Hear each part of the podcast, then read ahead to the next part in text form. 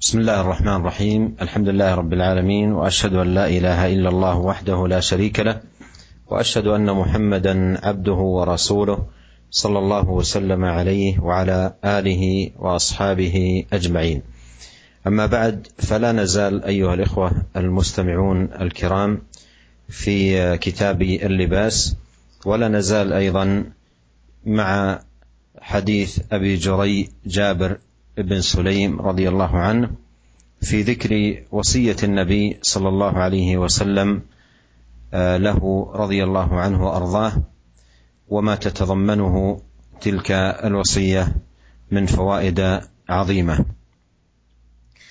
الفائدة السابعة قول النبي صلى الله عليه وسلم ولا تحكرن من المعروف شيئا وهذه وصية عظيمة وجامعة فيها الحث على العناية بالمعروف قولا وفعلا حتى وإن كان شيئا يسيرا.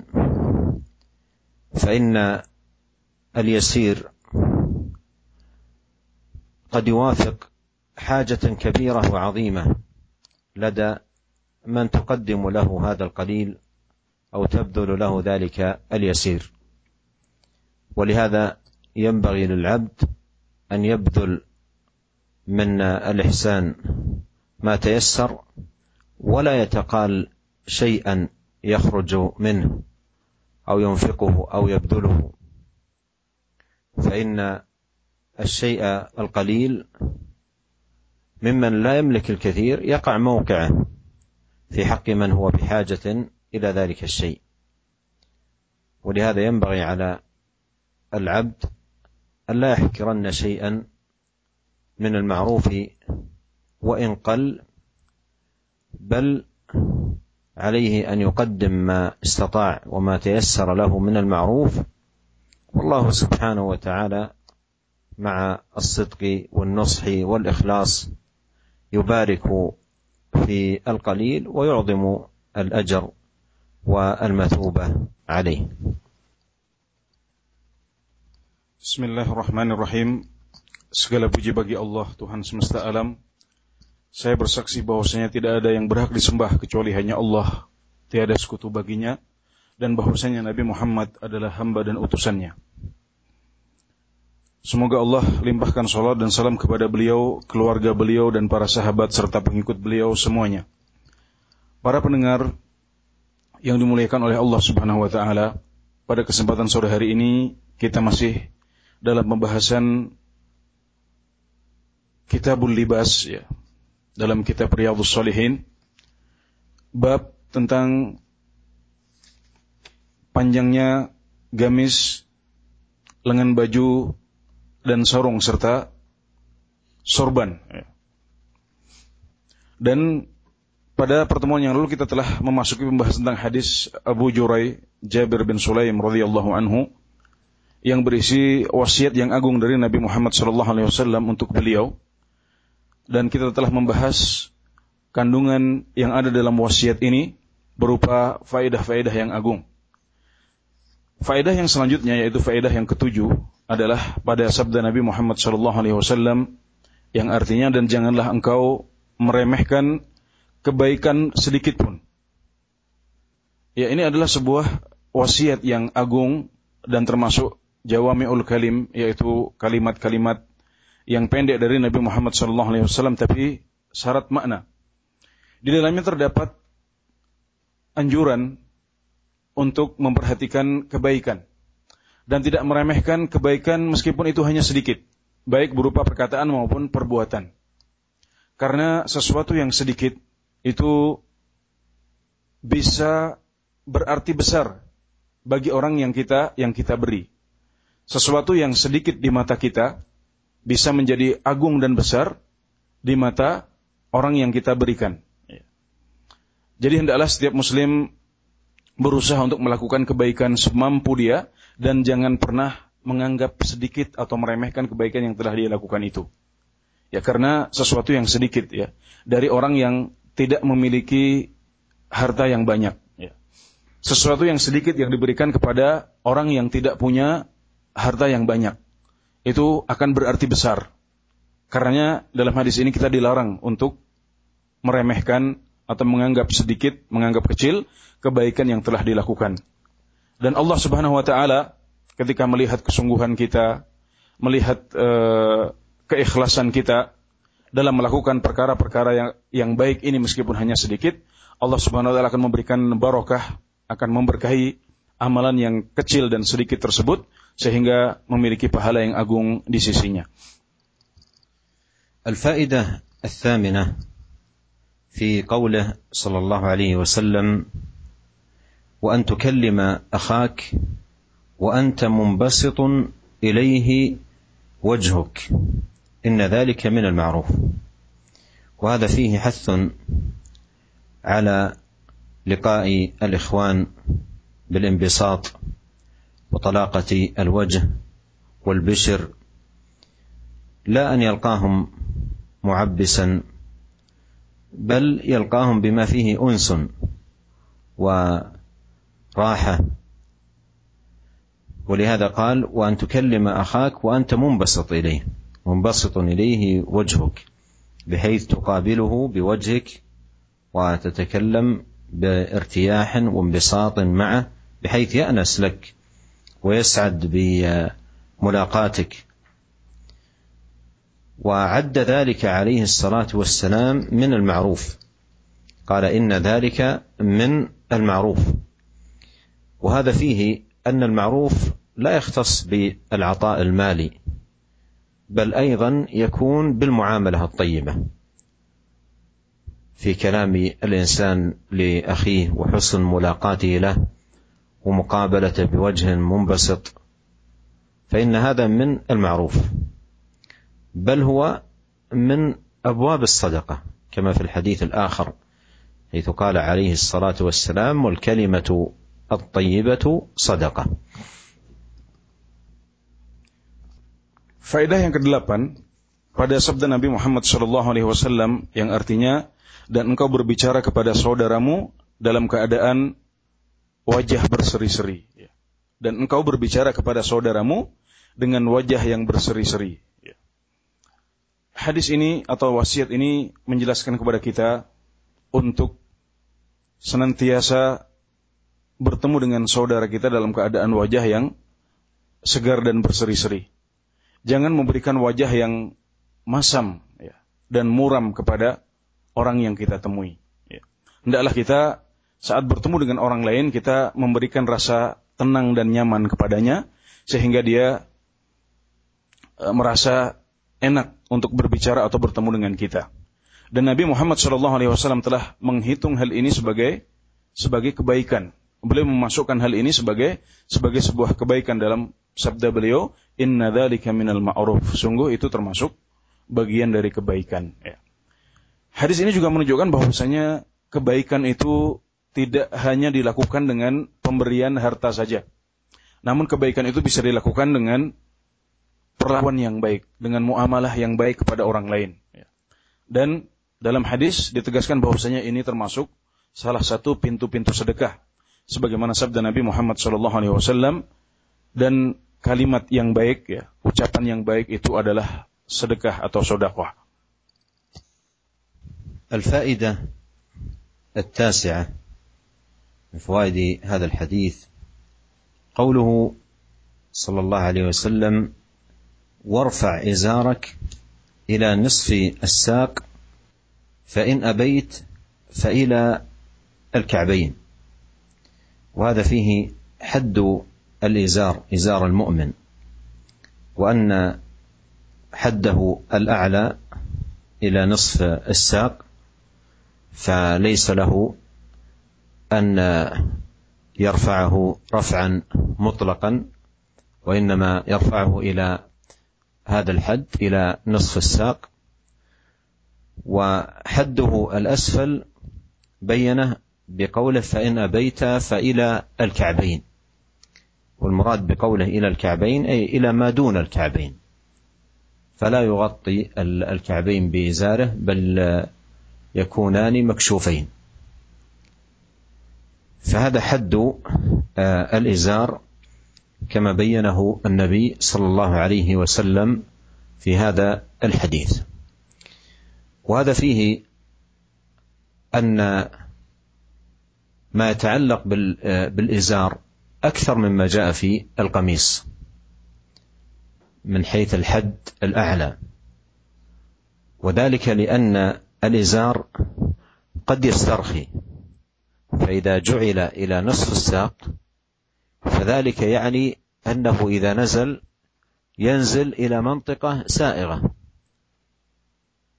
ولو جعل قريبا جدا من الكعبين فيمكن أن ينزل إذا استرخى فيغطي الكعبين ويقع في المحذور. بخلاف القميص فإن الأصل في القميص أنه لا يسترخي لكونه مشدودا بالكتفين وإنما الذي يسترخي هو الإزار.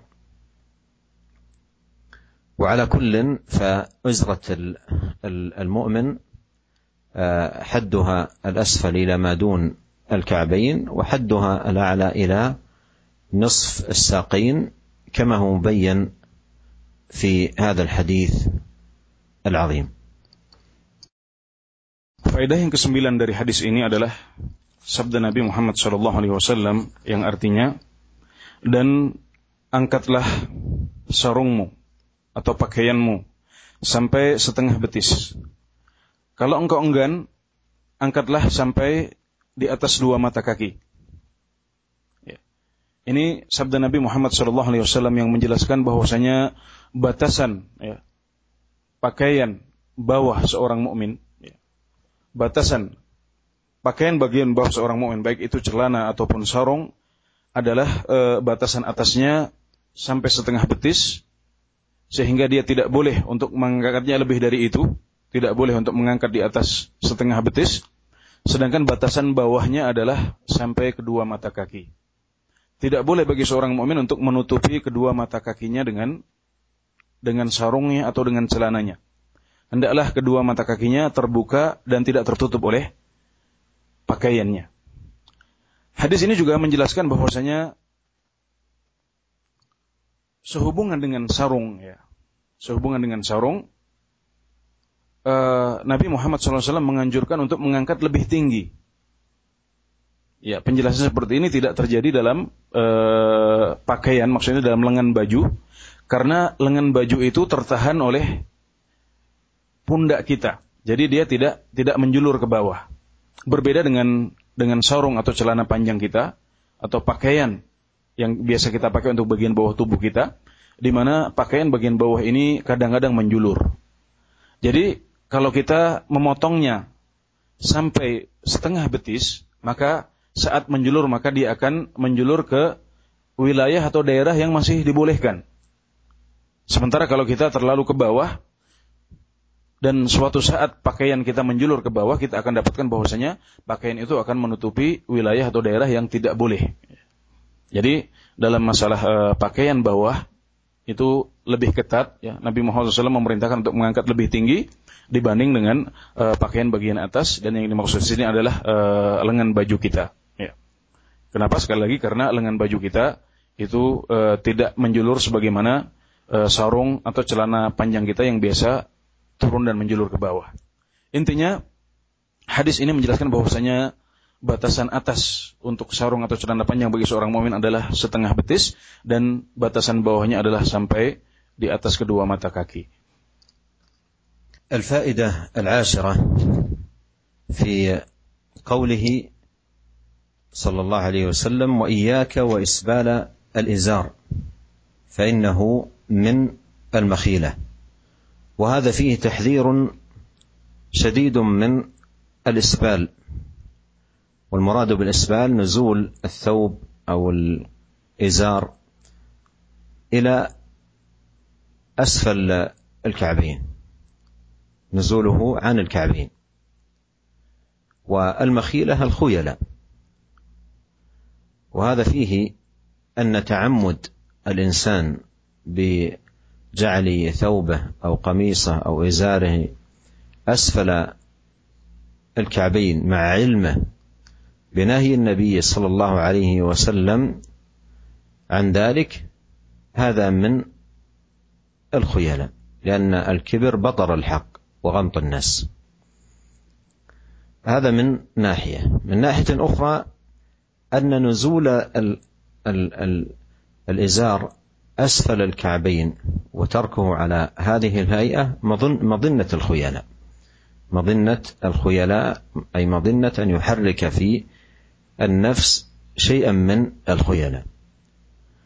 ولهذا يجب على المسلم أن لا ينزل إزاره أو قميصه أسفل من الكعبين لما جاء في ذلك من وعيد شديد في أحاديث كثيرة. وقد قال عليه الصلاة والسلام ما أسفل الك... ما أسفل من الكعبين فهو في النار. ما أسفل من الكعبين من الإزار فهو في النار. وجاء عنه كما في صحيح مسلم أنه صلى الله عليه وسلم قال ثلاثة لا يكلمهم الله ولا ينظر إليهم ولا يزكيهم ولهم عذاب أليم. وذكر منهم صلوات الله وسلامه عليه المسبل. وقد تقدم عند النووي رحمه الله تعالى بعض الأحاديث في التحذير من ذلك. Faedah yang ke-10 adalah sabda Nabi Muhammad sallallahu alaihi wasallam yang artinya dan jauhilah dan jauhilah olehmu isbal ya. Jauhilah isbal karena sesungguhnya dia termasuk kesombongan ya. Wasiat ini berisi ancaman yang keras terhadap isbal dan dan yang dimaksud dengan isbal adalah menurunkan pakaian atau sarung atau yang sejenisnya sampai ke kedua mata kaki. Ya. Yang dimaksud dengan makhilah adalah khuyala yang disebutkan dalam hadis-hadis sebelumnya yaitu kesombongan. Yang ini menunjukkan bahwasanya barang siapa yang sengaja untuk menurunkan pakaiannya sampai ke bawah mata kaki, ya, sampai menutupi kedua mata kaki. Padahal dia mengetahui bahwasanya Nabi Muhammad SAW telah melarang hal tersebut, itu berarti dia telah berbuat kesombongan. Karena kesombongan itu seperti dijelaskan oleh Nabi Muhammad SAW adalah batorul haqqi wa ghamtun nas yang artinya adalah menolak kebenaran dan merendahkan manusia. Itu yang pertama. Jadi dia sebut khuyala karena menolak kebenaran dari Nabi Muhammad SAW. Adapun yang kedua, karena sengaja menjulurkan pakaian sampai menutupi kedua mata kaki, ini adalah madinnatul khuyala. Artinya adalah e, tempat yang diperkirakan di situ ada kesombongan. Dikhawatirkan di sana ada kesombongan. Dikhawatirkan orang yang berbuat seperti ini itu akan tergerak kesombongan dalam hatinya. Makanya hendaklah setiap mukmin setelah mendengar hadis ini tidak lagi menjulurkan pakaiannya, memanjangkan sarungnya atau celananya sampai menutupi kedua mata kaki. Karena kita telah mendengar bersama banyak hadis yang menjelaskan tentang ancaman keras terhadap perbuatan ini. Di antaranya sabda Nabi Muhammad SAW yang artinya apa-apa yang terletak di bawah kedua mata kaki maka dia akan di neraka. Ya. Kemudian dalam hadis yang diriwayatkan oleh Muslim, Nabi Muhammad SAW bersabda ada tiga golongan yang Allah tidak akan ajak mereka bicara, tidak akan dilihat oleh dia, dan tidak akan disucikan pada hari kiamat dan Allah menyebutkan salah satunya dan Nabi Muhammad SAW menyebutkan salah satunya adalah al-musbil yaitu orang yang memanjangkan pakaiannya sampai menutupi kedua mata kaki. الفائدة الحادية عشرة في قوله وإن الله لا يحب المخيلة وهذا فيه التحذير الشديد من الخيلاء بإخبار النبي صلى الله عليه وسلم أن الله عز وجل لا يحب من كان كذلك وفي القرآن قال الله عز وجل إن الله لا يحب كل مختال فخور. ولا شك أن هذا فيه من الوعيد والتهديد ما لا يخفى لأن بغض الله سبحانه وتعالى لذلك وعدم محبته له موجب لسخطه وعقوبته وأن الواجب على العبد أن يحذر من ذلك أشد الحذر بأن يعمل الأعمال التي يحبها الله سبحانه وتعالى ويرضاها ويتجنب الأعمال التي يسخطها جل وعلا ويأباها. وهذا فيه أن الواجب على العبد البعد عن الخيلاء والبعد عن الأسباب المفضية إلى الخيلاء. Faedah yang ke-11 Ya, faedah yang ke-12 adalah pada sabda Nabi Muhammad SAW yang artinya sesungguhnya Allah tidak menyukai kesombongan. Ya. Artinya Allah Subhanahu wa taala tidak menyukai orang yang sombong. Sebagaimana disebutkan dalam Al-Qur'an yaitu sebuah ayat yang artinya sesungguhnya Allah tidak menyukai orang-orang yang takabur lagi sombong. Hendaklah setiap muslim menghindari perkara-perkara yang menyebabkan murka dan hukuman dari Allah Subhanahu wa taala. Hendaklah ia melakukan amalan-amalan yang mendatangkan ridha Allah Subhanahu wa taala dan meninggalkan perkara-perkara yang membuat Allah murka ya. Hendaklah setiap hamba berusaha untuk menjauhi khuyala, kesombongan dan sebab-sebab yang membuat dia terjatuh dalam khuyala. الفائدة الثانية عشرة أو الثالثة عشرة الثالثة عشرة الفائدة الثانية عشرة في قوله وإن امرؤ شتمك وعيرك بما يعلم فيك فلا تعيره بما تعلم فيه. فإنما وبال ذلك عليه.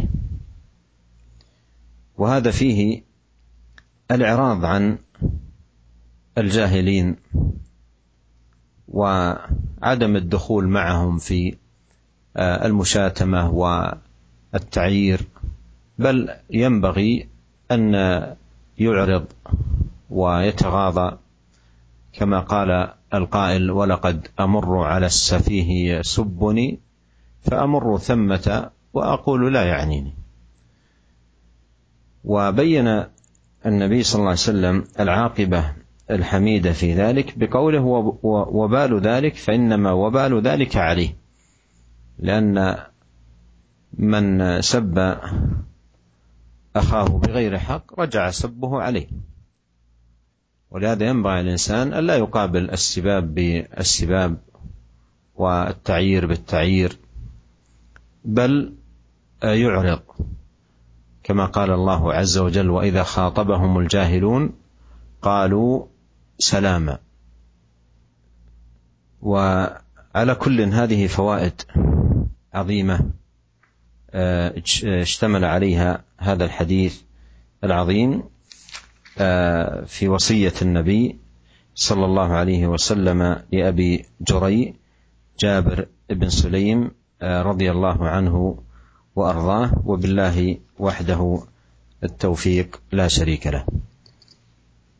Faedah yang ke-13 adalah dalam wasiat Nabi Muhammad SAW yang artinya dan jika ada seseorang yang memakimu atau mencelamu dengan sesuatu keburukan yang dia ketahui ada pada dirimu, maka janganlah engkau mencelanya dengan keburukan yang ada pada dirinya. Sesungguhnya akibat buruk dari perbuatan itu akan kembali kepada dirinya. Ya. Dalam hadis ini Nabi Muhammad SAW mewasiatkan Abu Juroy dan kita semuanya untuk berpaling dari orang-orang yang bodoh, orang-orang yang tidak tahu. Kita dilarang untuk masuk dalam saling cela dan saling ejek bersama mereka.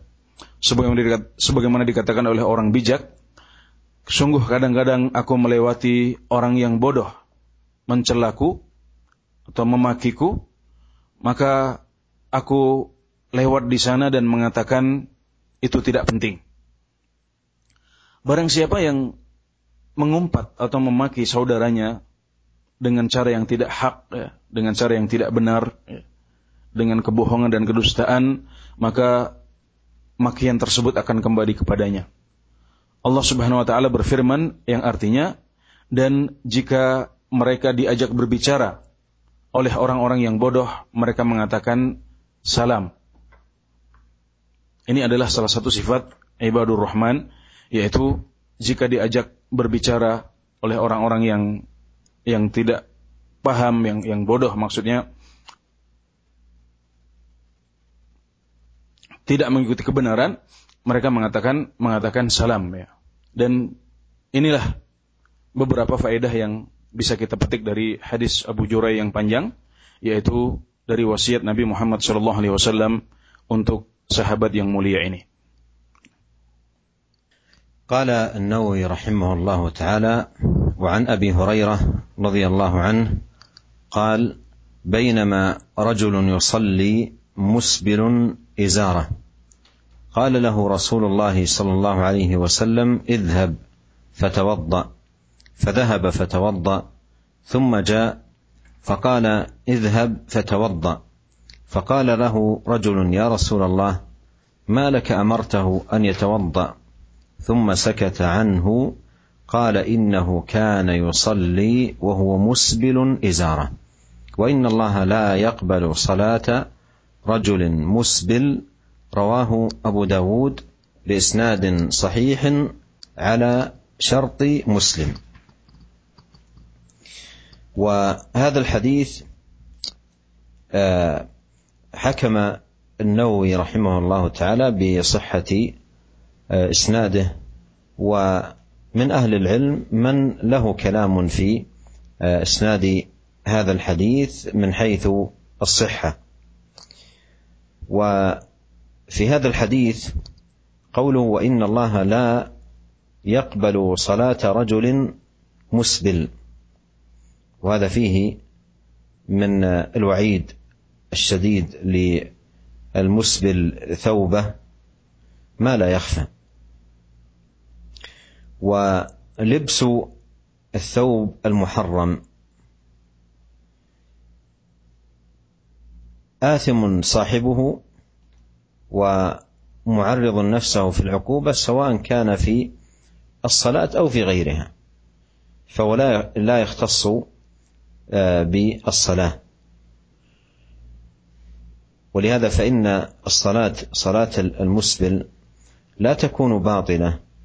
لكنه آثم بفعله لهذا المحرم وإذا كان محرم عليه هذا الفعل ففي كل في كل وقت فإن وقت الصلاة أشد وهو لحظات الوقوف بين يدي الله سبحانه وتعالى لسؤاله ومناجاته جل في علاه.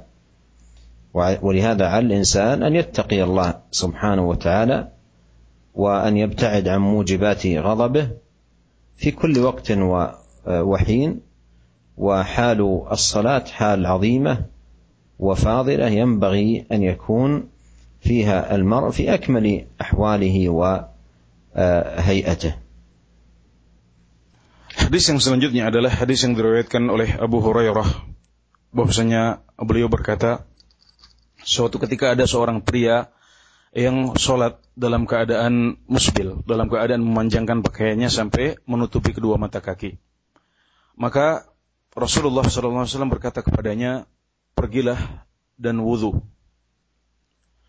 Maka dia pun pergi dan berwudhu kemudian datang.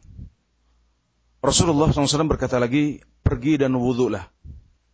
Maka orang itu berkata, Wahai Rasulullah, kenapa engkau perintahkan orang tersebut untuk pergi, kemudian engkau diamkan? Kenapa engkau perintahkan orang tersebut untuk wudhu, kemudian engkau mendiamkannya? Maka Rasulullah SAW menjawab, sesungguhnya awalnya dia sholat dalam keadaan musbil, dalam keadaan memanjangkan pakaian, menjulurkan pakaian. Kemudian dan sungguh Allah Subhanahu wa taala tidaklah menerima sholat orang yang musbil. Sungguh Allah Subhanahu wa taala tidak menerima sholat orang yang memanjangkan pakaiannya sampai menutupi kedua mata kaki. Ini hadis diriwayatkan oleh Abu Dawud dengan sanad yang sahih sesuai dengan syaratnya Imam Muslim. Imam Nawawi rahimahullah taala seperti yang telah kita baca menghukumi hadis ini dengan sahih. Menurut beliau, hadis ini sahih. Adapun sebagian ulama melemahkan hadis ini. Mereka mengatakan bahwasanya hadis ini tidaklah sahih.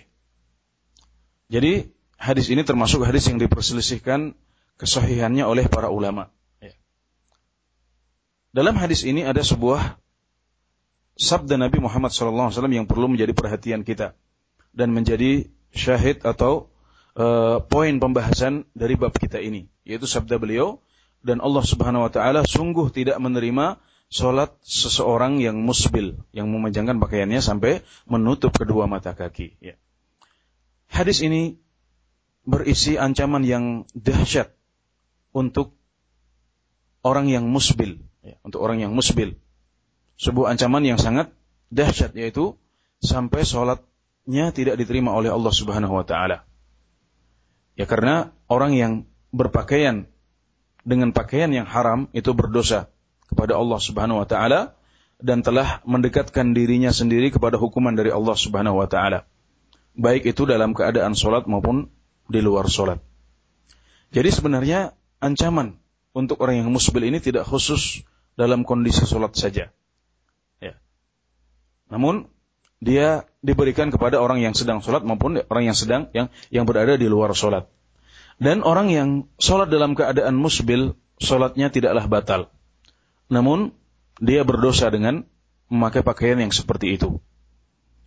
Dan meskipun ancaman ini dihadapi oleh orang yang sholat dan orang yang sedang tidak sholat, maka kita ketahui bahwasanya waktu sholat itu lebih lebih tegas lagi keharamannya.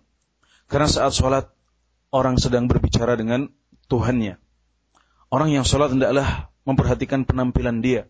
Karena dia sedang bermunajat kepada Tuhannya. Tidak memakai pakaian yang sembarangan, apalagi uh, pakaian yang dilarang dan diharamkan oleh Allah Subhanahu wa taala yaitu pakaian yang menutupi kedua mata kaki bagi pria. قال رحمه الله تعالى وعن قيس بن بشر التغلبي قال أخبرني أبي وكان جليسا لأبي الدرداء.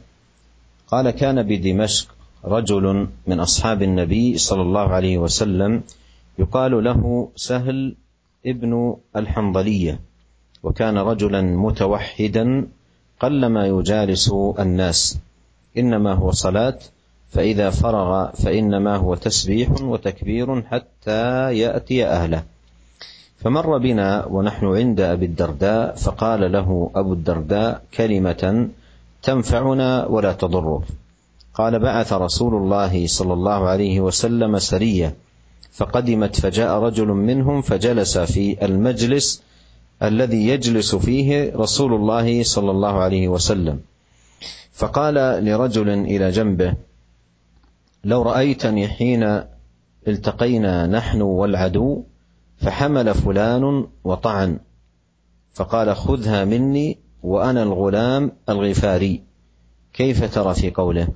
قال ما أراه إلا قد بطل أجره. فسمع بذلك آخر فقال ما أرى بذلك بأسا.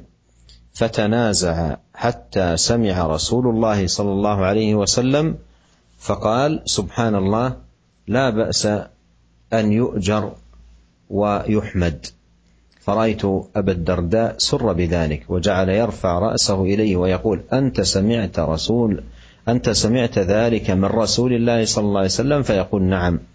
فما زال يعيد عليه حتى إني لأقول ليبركن على ركبته قال فمر بنا يوما آخر فقال له أبو الدرداء كلمة تنفعنا ولا تضرك قال قال لنا رسول الله صلى الله عليه وسلم المنفق على الخيل كالباسط يديه بالصدقة لا يقبضها.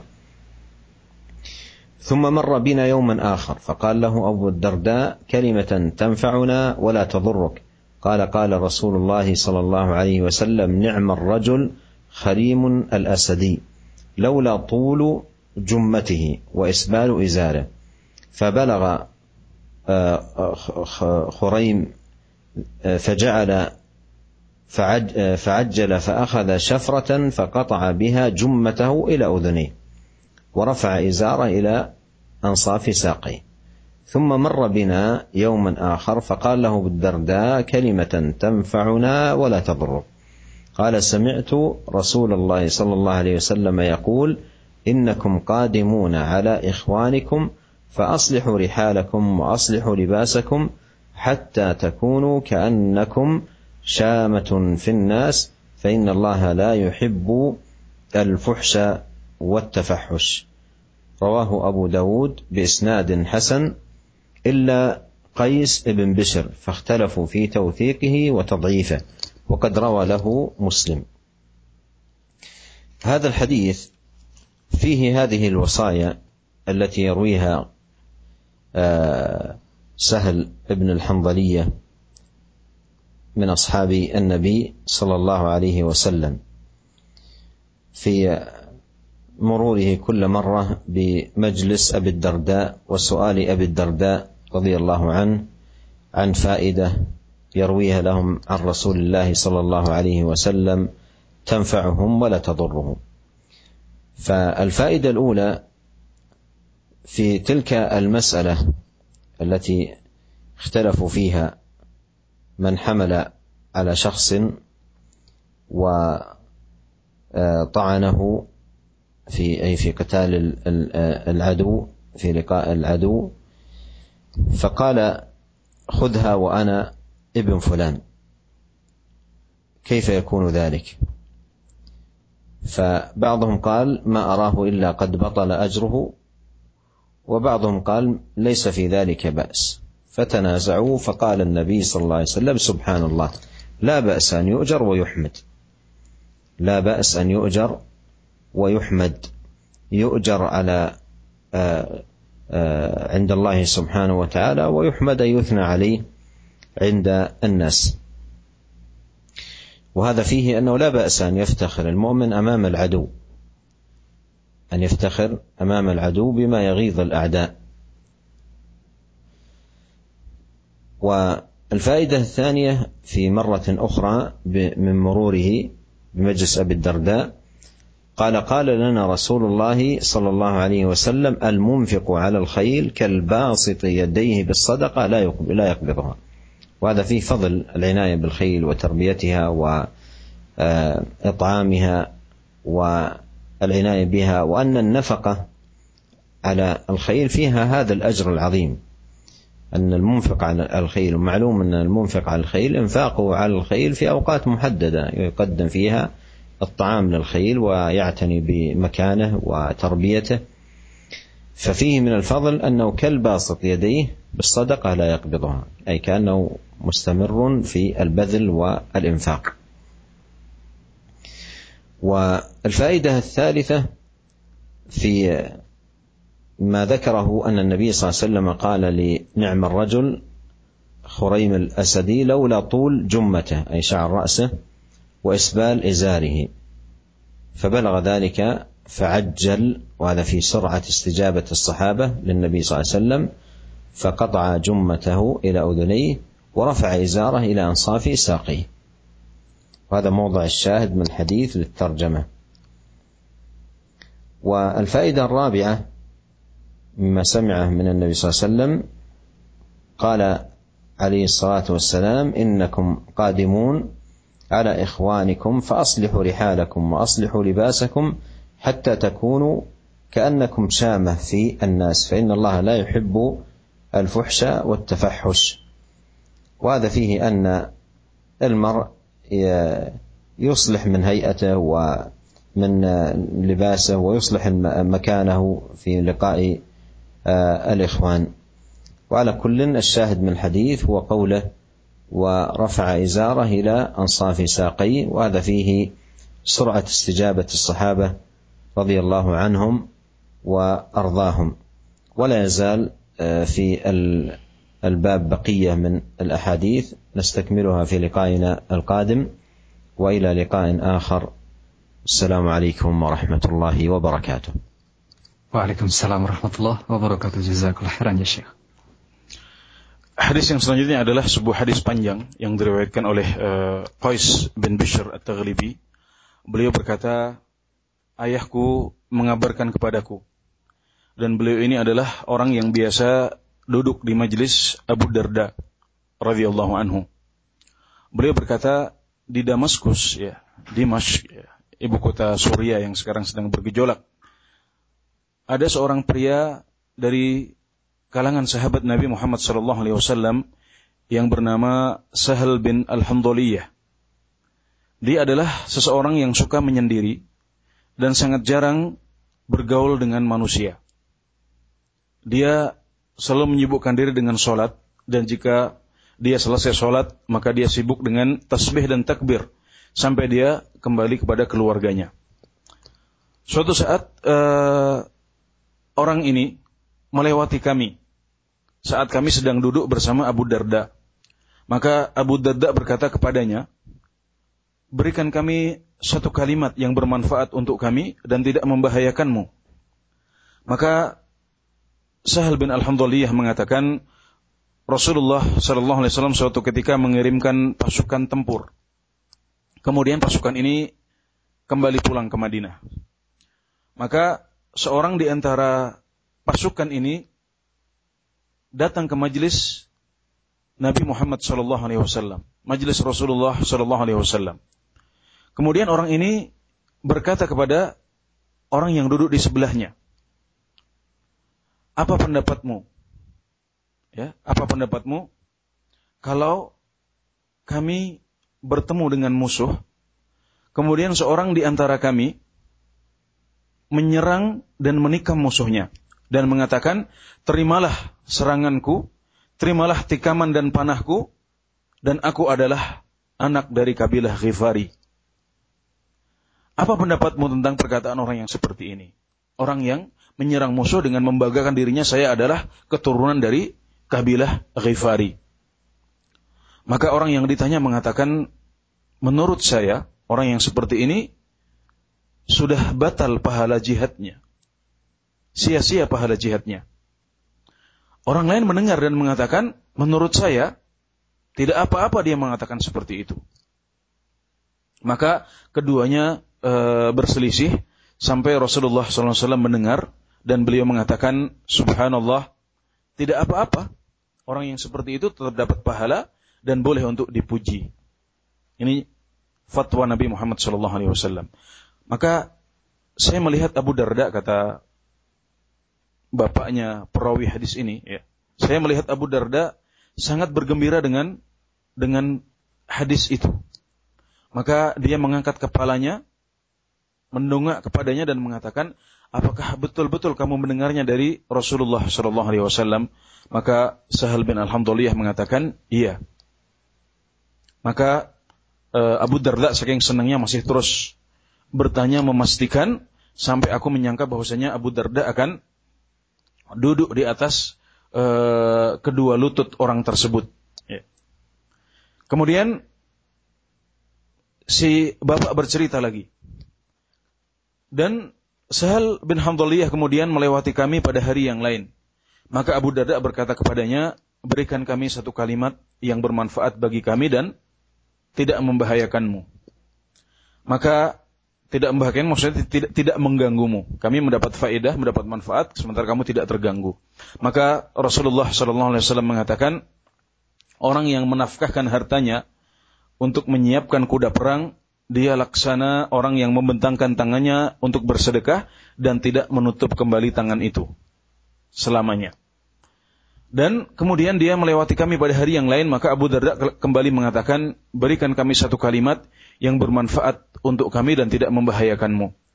Maka dia mengatakan Rasulullah Sallallahu Alaihi Wasallam bersabda, orang yang terbaik, pria yang terbaik adalah Khuraim al Asadi, kalau seandainya rambutnya tidak panjang sampai pundak dan dia tidak menjulurkan pakaiannya. Maka Khurem mendengar sabda Nabi Muhammad SAW ini. Khurem al-Asadi mendengar hadis tersebut, maka dia segera mengamalkan hadis itu. Dia segera mengambil pisau dan dia potong rambutnya sampai sejajar dengan telinga saja. Kemudian dia memotong sarungnya atau pakaiannya sampai setengah betisnya. Sahal bin Alhamdulillah melewati kami pada hari yang lain, maka Abu Darda kembali mengatakan kepadanya, berikan kami satu kalimat yang bermanfaat untuk kami dan tidak membahayakanmu. Maka dia mengatakan, aku mendengar Rasulullah Sallallahu Alaihi Wasallam bersabda, sesungguhnya kalian akan mendatangi saudara-saudara kalian. Maka perbaikilah kendaraan kalian. Perbaikilah pakaian kalian sehingga kalian semuanya tampil istimewa, ya, berbeda dari orang-orang yang lain. Sesungguhnya Allah Subhanahu wa taala tidak menyukai uh, kekotoran. Ya. Hadis ini diriwayatkan oleh Abu Dawud dengan sanad yang hasan, ya, namun dalam sanad ini ada Qais bin Bishr yang diperselisihkan apakah dia termasuk yang thiqah dipercaya atau yang dilemahkan dalam hadis. Ya. Sementara Qais bin Bishr ini uh, juga termasuk salah satu orang yang diriwayatkan oleh oleh Muslim hadisnya. Ya. Ini adalah hadis yang panjang yang ber, yang berisi wasiat Nabi Muhammad SAW yang diriwayatkan oleh Sahal bin Al-Hamdaliyah, seorang sahabat. Ya. Ada beberapa faedah yang bisa kita petik ya. dari hadis ini. Yang pertama adalah uh, perkataan yang disampaikan oleh Abu Darda ketika beliau mengatakan, berikanlah kepada kami satu kalimat yang bermanfaat untukmu, yang bermanfaat untuk kami, dan tidak membahayakanmu. Yang menunjukkan semangat para sahabat untuk menuntut ilmu dan menimba faedah.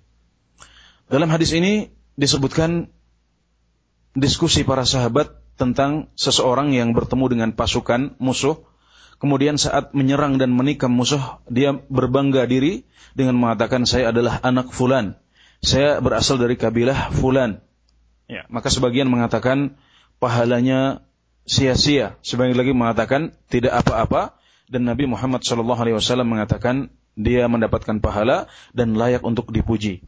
Ini menunjukkan bahwasanya seorang muslim boleh untuk membangga-banggakan dirinya di depan musuh dia boleh mengucapkan kata-kata yang membuat jengkel dan marah musuh-musuh mereka dalam perang. Faedah yang kedua tentang keutamaan menafkahkan harta untuk menyiapkan kuda perang.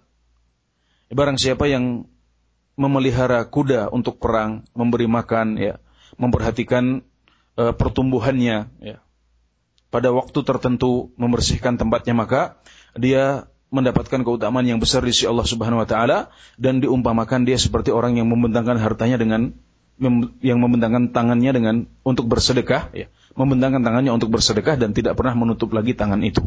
Jadi dia seperti orang yang terus-menerus bersedekah di jalan Allah Subhanahu wa taala. Adapun faedah yang ketiga adalah tentang Khuraim al-Asadi ya. Disebutkan Khuraim al-Asadi adalah orang terbaik kalau seandainya dia tidak memanjangkan rambutnya sampai ke pundak dan dia tidak memanjangkan celananya sampai menutupi kedua mata kaki. Ya. Maka dalam hadis ini disebutkan bahwasanya Khuraim segera mengamalkan hadis tersebut dan langsung dia mengambil pisau dan memotong rambutnya serta memotong e, celananya atau sarungnya yang panjang.